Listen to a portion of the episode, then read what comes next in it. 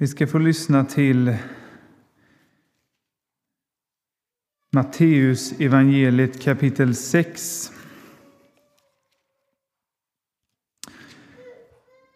Inte hela, men ett ganska, ganska bra stycke. Så har du en bibel, så Matteus eh, evangeliet kapitel 6.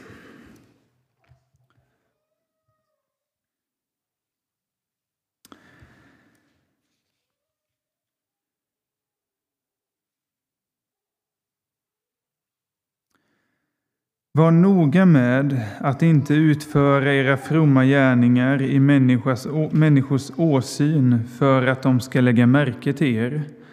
Annars har ni ingen lön att vänta hos er fader i himlen. När du ger allmosor, låt då inte stöta i basun för dig som hycklarna gör i synagogorna och på gatorna för att människorna ska prisa dem. Sannerligen, de har redan fått ut sin lön. Nej, när du ger allmosor, låt då inte vänstra handen veta vad den högra gör. Ge din allmosa i det fördolda. Då skall din fader som ser i det fördolda belöna dig. När ni ber skall ni inte göra som hycklarna. De älskar att stå och be i synagogorna och i gathörnen för att människorna ska se dem. Sannerligen, de har redan fått ut sin lön. Nej, när du ber, gå då in i din kammare, stäng dörren och be sedan till din fader som är i det fördolda. Då skall din fader som ser i det fördolda belöna dig. Och när ni ber ska ni inte rabbla tomma ord som hedningarna. De tror att de ska bli bönhörda för de många ordens skull. Gör inte som dem, ty er fader vet vad ni behöver redan innan ni har bett honom om det. Så ska ni be.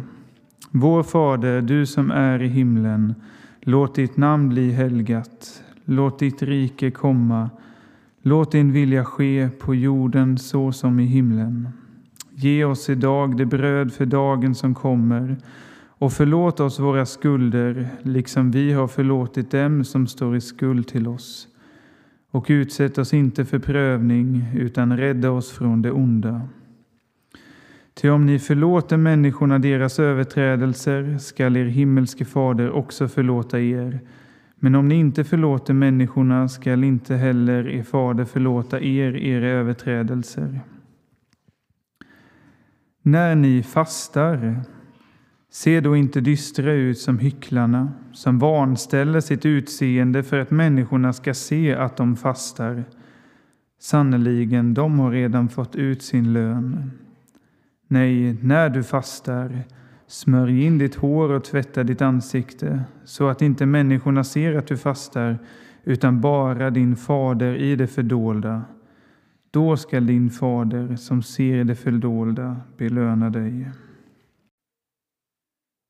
Heliga Ande, öppna våra ögon för vad det innebär att följa Jesus Kristus.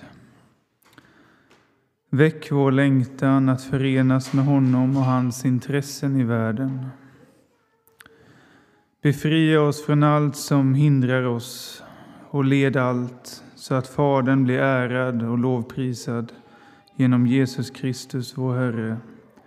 Amen. Idag så börjar vi en predikoserie. Den är lite utspridd, men den kommer börja idag och vara fem söndagar fram till eh, mitten av november. Eh, och det, det, blir, det är inte liksom varje söndag det kommer lite utspritt, men den som är här varje söndag kommer inte missa någon. Eh, och eh, då är det, och eh, missar ni någon så, så vi spelar in alla gudstjänster nu, så är det någon söndag man inte kan vara här för att man har något annat för sig eller är sjuk så går det att få del av den som ljudfil i efterhand. Vi spelar inte in, vi har ingen filmutrustning, men vi har en excellent ljudtekniker, Peter, som löser detta. Så hör av dig till... Eh, vi har inte lagt ut det så att vem som helst kan ladda ner det. Eh, och det är väl lite upphovsrätts... Eh, men vill man få tag i den så löser vi det. Så man får höra av sig till mig så fixar jag det. Men det som vi ska då utgå ifrån det är i den här texten som vi läste i Matteus 6 så har Jesus de här tre sakerna eh, som Jesus förväntade sig att människor i hans omgivning gjorde. Eh, det här när ni ger, när ni ber, när ni fastar. Det här var saker som Jesus visste redan då hjälpte människan i hennes liv och relation till Gud. Eh, och direkt så får jag säga liksom utgångspunkten när vi pratar om saker som vi eh, kan göra så får vi alltid komma ihåg att vi gör de här sakerna inte för att bli älskade utan för att vi är älskade. Eh, men vi ska få de här söndagarna upptäcka hur dessa saker vi gör eller efter detta kanske börjar göra, hur de kan hjälpa oss i våra liv som efterföljare av Jesus Kristus. Och förutom de här tre sakerna så har, har vi, jag valt ut två till då som det ena är någonting som Jesus inte säger rakt ut, men runt alla helgonatid, när döden är väldigt påtaglig i vårt samhälle på olika sätt, då ska vi få fundera över vad skulle Jesus sagt om han sagt när ni slutar andas, gör så här. Alltså hur dör vi på ett kristet sätt? Eh, och den sista gången vi möter det här temat, då är det en annan sak Jesus uppmanar oss till att göra. Och det är ju, Jesus säger ju, när ni bryter detta bröd, när ni delar denna bägare, gör det till minne av mig.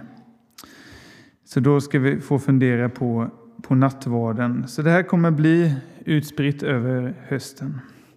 Men vi börjar i det här första som Jesus säger, när du ger. Alltså om vi ska ge, det är inte en fråga här. Utan Jesus förutsätter att vi ger. Det ligger i Guds folks identitet att vara givare. Vi ger av vad vi har till Gud och till människor runt omkring oss. Eh, de här två sakerna det är ju inte vattentäta skott. Alltså, att ge till en annan människa kan ju mycket väl vara samma sak som att ge ett offer till Gud utan det handlar om en grundläggande generositet.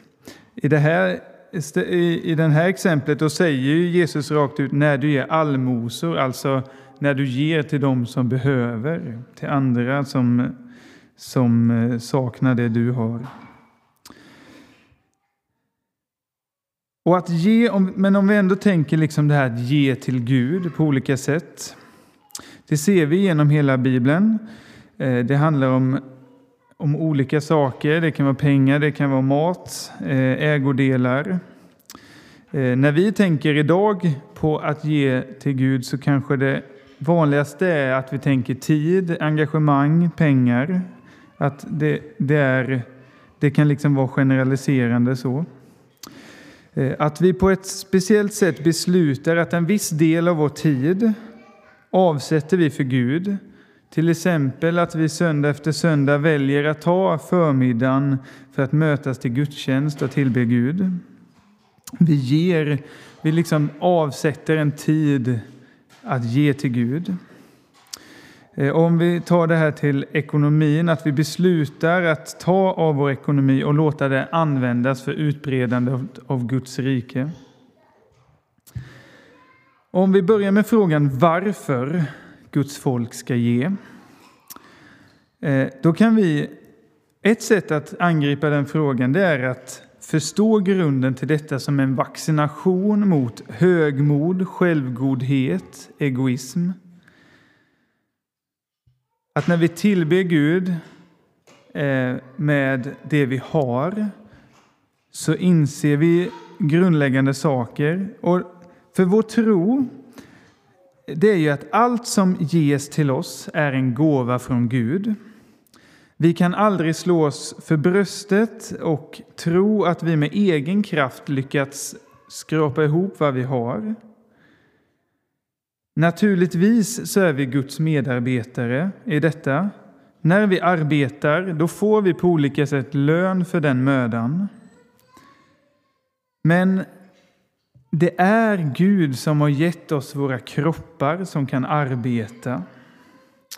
Det är Gud som gör så att det här vetekornet vi lägger i marken växer och sen kan bli bröd på vårt bord.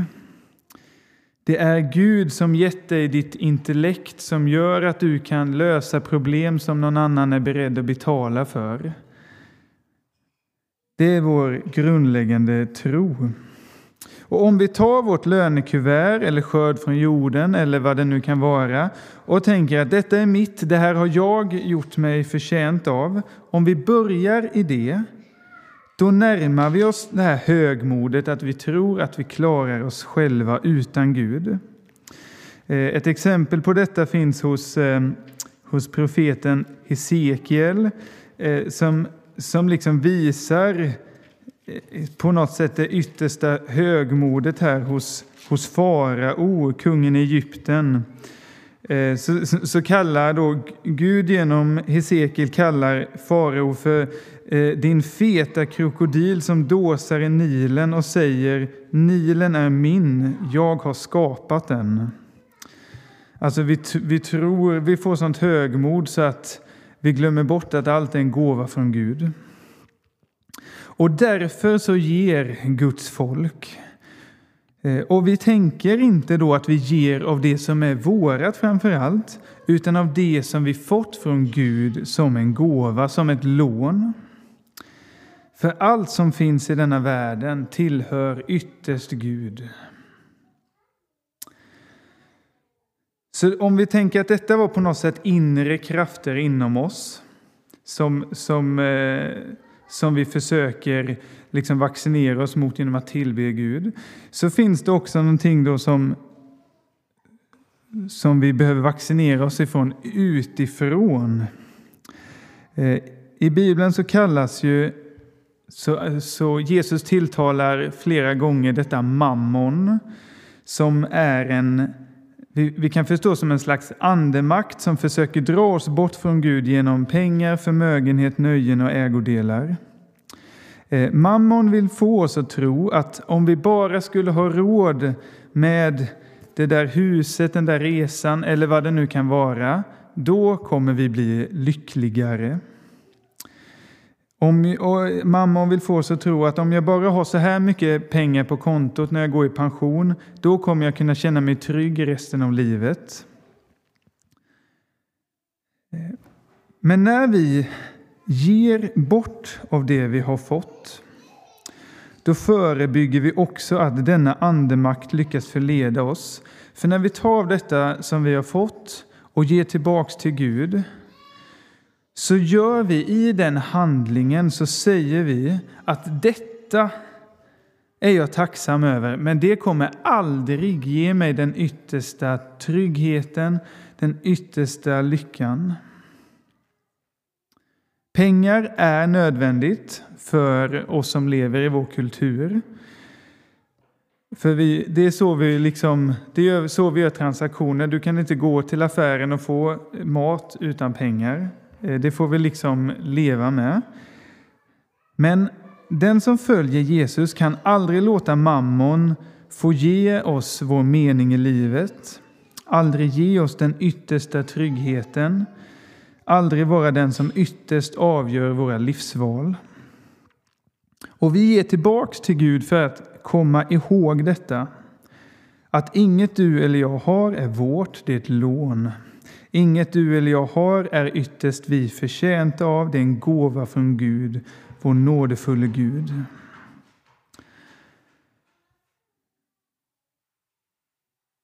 Så varför ska vi ge till Gud?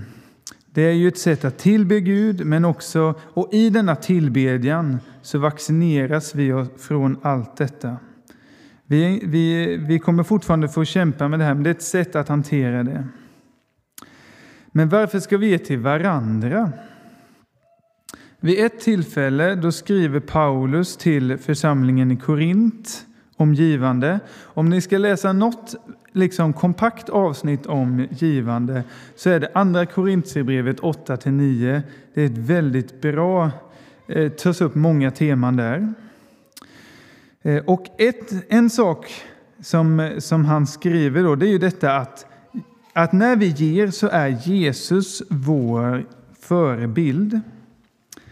Han skriver så här, kapitel 2 Korintierbrevet 8, vers 9, så säger han Ni känner vår Herre Jesu Kristi stora gåva. Han som var rik blev fattig för er skull, för att ni skulle bli rika genom hans fattigdom. Alltså Jesus som ägde Guds gestalt, han avstod ifrån detta och blev människa. Han antog en tjänares gestalt. Eh, och på samma sätt så får vi avvara det som vi har för att kunna ge till någon som saknar vad vi har. Och detta att leva generöst, det är en grundläggande tanke i Guds skapelse. Att leva generöst mot varandra. Att alla ska ha det de behöver. Om vi går till Andra Mosebok, det är ju Israels folk som Gud väljer ut, är fångar i Egypten. Och till slut så lyckas Gud befria sitt folk. Och när de går då i den här, de är ute i öknen och vandrar och de frågar hur ska vi få mat? Och Gud ger dem bröd från himlen. Eh, och, och Gud säger liksom ta, ni ska ta så här mycket. Gud berättar hur, hur det här kommer gå till. Och då står det sen då i Andra Mosebok 16 kapitel 17 att Israeliterna gjorde så som Gud sagt. Några samlade mer, andra mindre. När de sedan mätte upp, då hade de som samlat mer inte fått för mycket och de som samlat mindre inte fått för lite. Alla hade fått vad de behövde. Och det här blir någon slags grundläggande tanke i, i hur Gud vill se världen. Och det här fortsätter, för sen när detta folket får slå sig ner, de blir jordbrukare, eh, då får de en ny uppmaning av Gud hur de ska hantera sin skörd. Eh, och då, då säger, säger Gud så här att när grödan bärgas i ert land, då ska du inte skörda ända ut till åkerrenen. Inte heller ska du samla in den sista axeln av skörden. Du ska lämna kvar det åt den fattige och åt invandraren. Alltså länsa inte fälten utan låt ditt överflöd gå till dem som inte har något. Att vara generös mot andra det är både något som vi gör i tacksamhet över vad Jesus gjort mot oss men också för att vi tror att Gud har omsorg om varenda människa och då borde även vi ha det.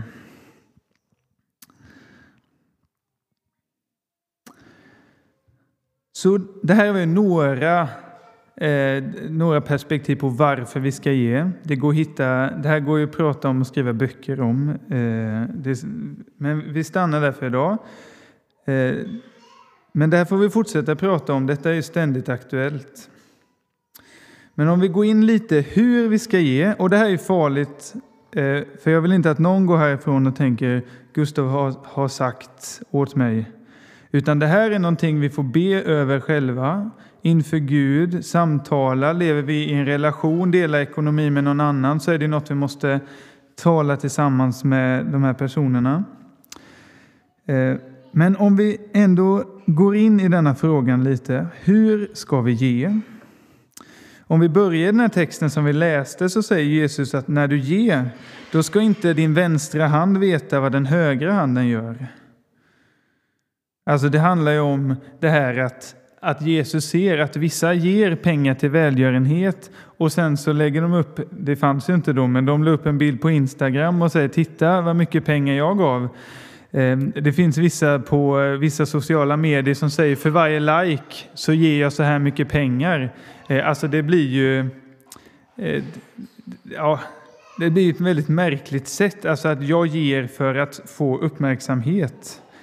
Eh, det är ju som den här, det finns en, eh, en berättelse som jag hoppas inte är sann där ordföranden får gå fram på församlingsmötet och säga att ja, det har kommit in en, eh, en stor, generös men, men anonym gåva till församlingen.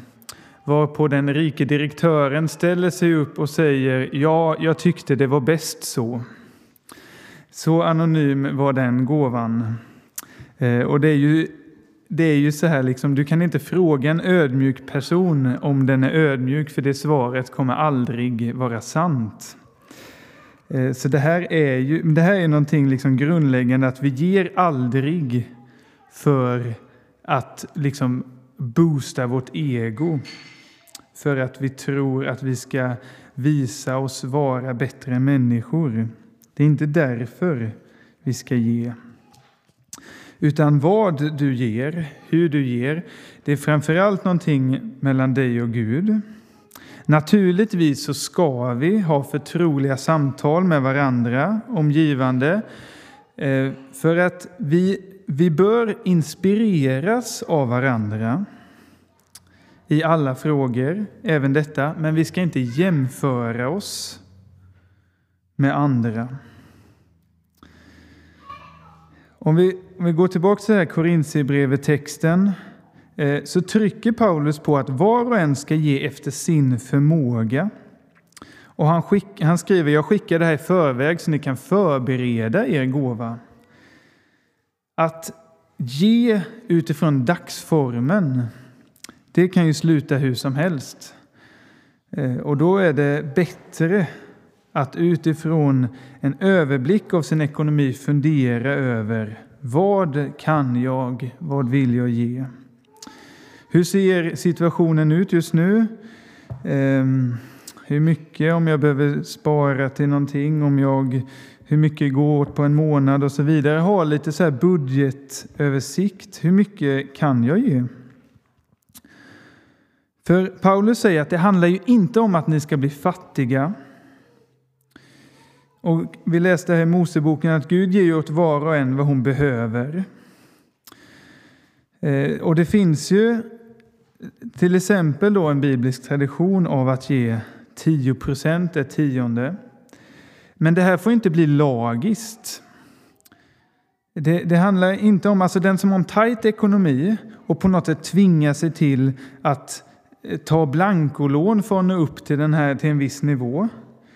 Eh, det blir ju helt galet. Och likadant om någon som kanske är väldigt välbärgad eh, liksom nöjer sig där. Nu har jag gett det här, nu får jag göra vad jag vill med resten av pengarna.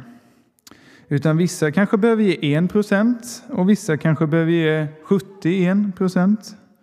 Det där får vi be över och tala om med Gud. För att en viktig aspekt i det här det är ju att alltså vårt givande, när vi pratar om varför, då är det ju en befrielse i detta. Alltså givandet ska göra oss fria. Och ett exempel då, om någon som har en väldigt tajt budget ger så pass mycket att det enda denna personen kan gå runt och tänka över hela månaden är hur ska det här gå? Eh, att det enda jag går runt och tänker på är just pengar. Då så var ju det här motverkande effekt. Då blev jag ju verkligen inte befriad utan fången ännu mer. Eh, Eh, och, och, och likadant så kan det vara så att någon som har väldigt mycket pengar behöver ge liksom betydligt mer för att bli befriad.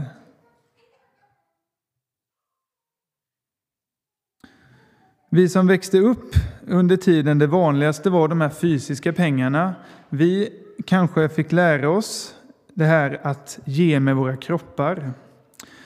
När jag var liten så fick alla barnen en 20 av pappa som vi fick lägga i kollektboxen. Det var inte våra pengar, men vi fick ändå vara med och be på det sättet. Kollektbössan svepte förbi och vi fick lägga med våra kroppar denna sedel som bekände att det är Jesus som är Herre, inte mammon.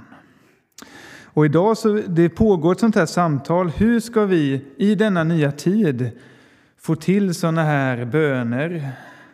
När, liksom, när vi ger idag så flyttar vi siffror på en skärm. Vad gör det med oss?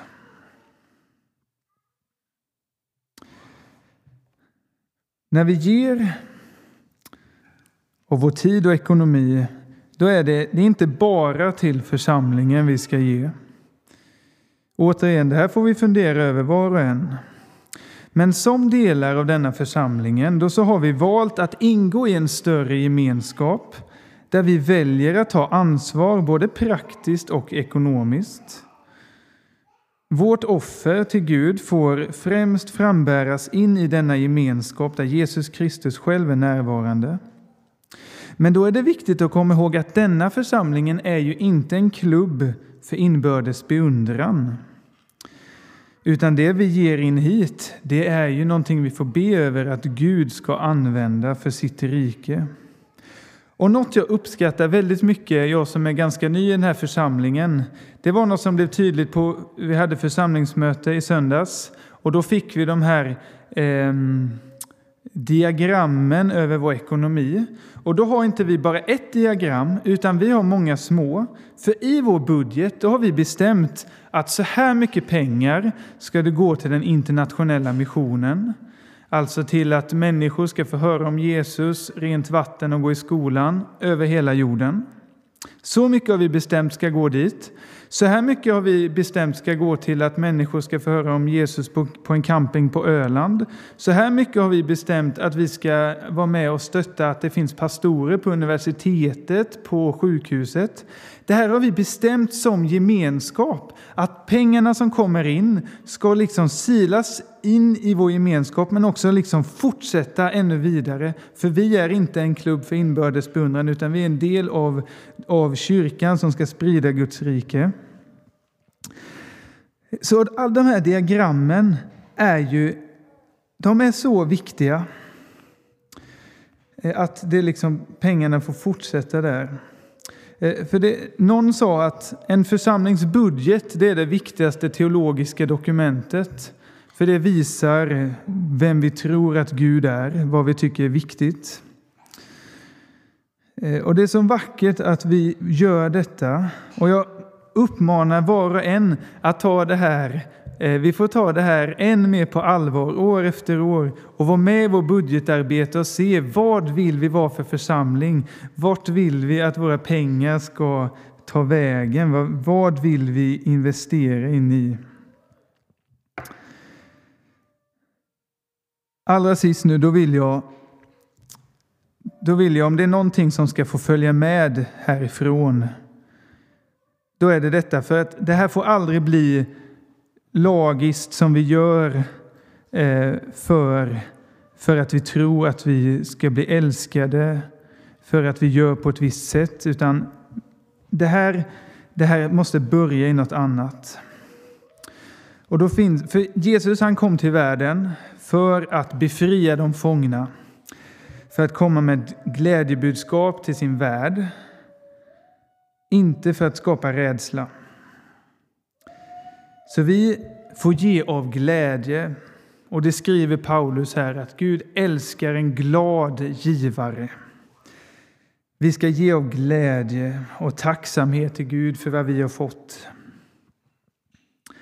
Så när vi funderar över detta, när vi ber över vår ekonomi, hur, vad vi gör med det vi äger, hur vi blir mer generösa, så behöver vi fråga oss vad får vi för eftersmak? Är det glädje och frihet, då går vi åt rätt håll. Jesus, du är vår Herre. Du är större än alla krafter som vill dra oss bort från dig. Du ser det här som vi har fått fundera över nu, som du talade så mycket om hur vi ska kunna leva generöst, hur vi ska kunna leva fria från, från de här makterna. Och vi tackar dig för att du är världens Herre. Och vi ber för oss var och en när vi går härifrån och vi får fundera över detta. Hur vi lever generösa liv, hur vi lever liv som hjälper oss att inse att allt kommer från dig. Herre, låt det här få landa i oss var och en. Amen.